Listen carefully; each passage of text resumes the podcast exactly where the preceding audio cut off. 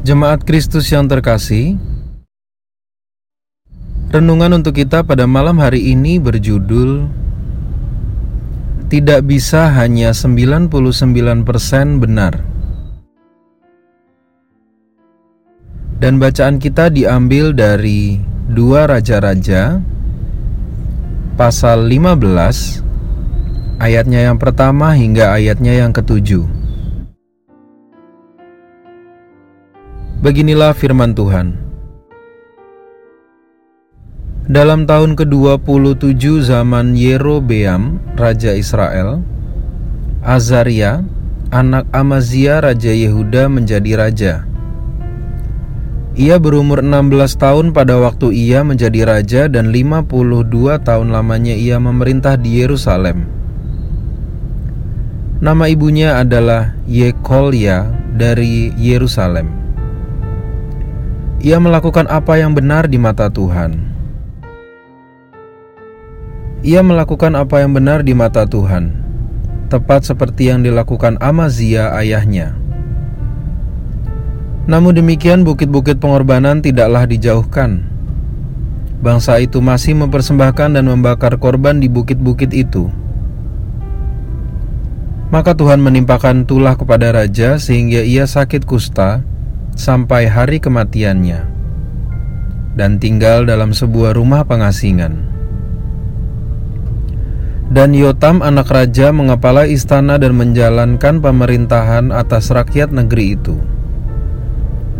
Selebihnya dari riwayat Azaria dan segala yang dilakukannya, bukankah semuanya itu tertulis dalam kitab sejarah raja-raja Yehuda? Kemudian Azaria mendapat perhentian bersama-sama dengan nenek moyangnya dan ia dikuburkan di samping nenek moyangnya di kota Daud. Maka Yotam anaknya menjadi raja menggantikan dia.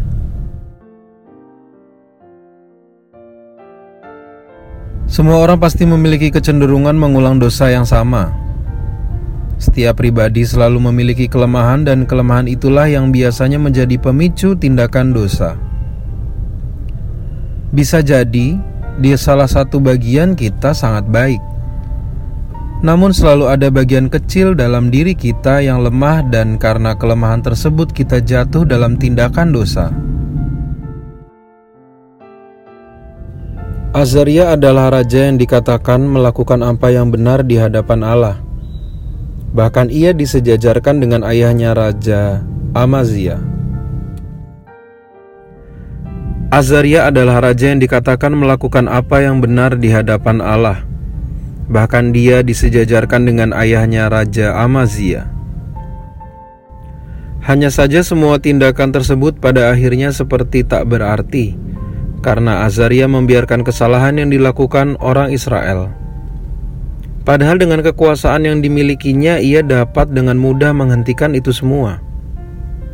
Tetapi ia memiliki untuk mendiamkan salah. Tetapi ia memilih untuk mendiamkannya dan pada akhirnya itu kembali kepada dirinya. Terlebih bila kita adalah seorang pemimpin dalam sebuah komunitas, kita memiliki tanggung jawab lebih untuk menjaga kebenaran tetap hidup dalam komunitas kita. Jangan sampai kita mendiamkan kesalahan yang sudah berulang terjadi. Lebih baik kita tidak disukai oleh orang-orang yang melakukan kesalahan dan yang tak mau ditegur daripada kita membuat kecewa Allah. Upah mengatakan kebenaran memanglah pertentangan. Namun demikian bila itu untuk kebaikan, lakukanlah dengan sungguh-sungguh. Mari kita bersama-sama belajar untuk tidak mempermaklumkan satu hal yang salah karena kita melihat 99% hal baik.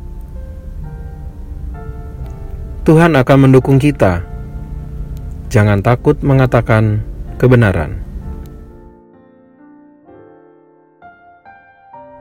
Demikianlah renungan kita pada malam hari ini. Semoga damai sejahtera dari Tuhan Yesus Kristus tetap memenuhi hati dan pikiran kita. Amin.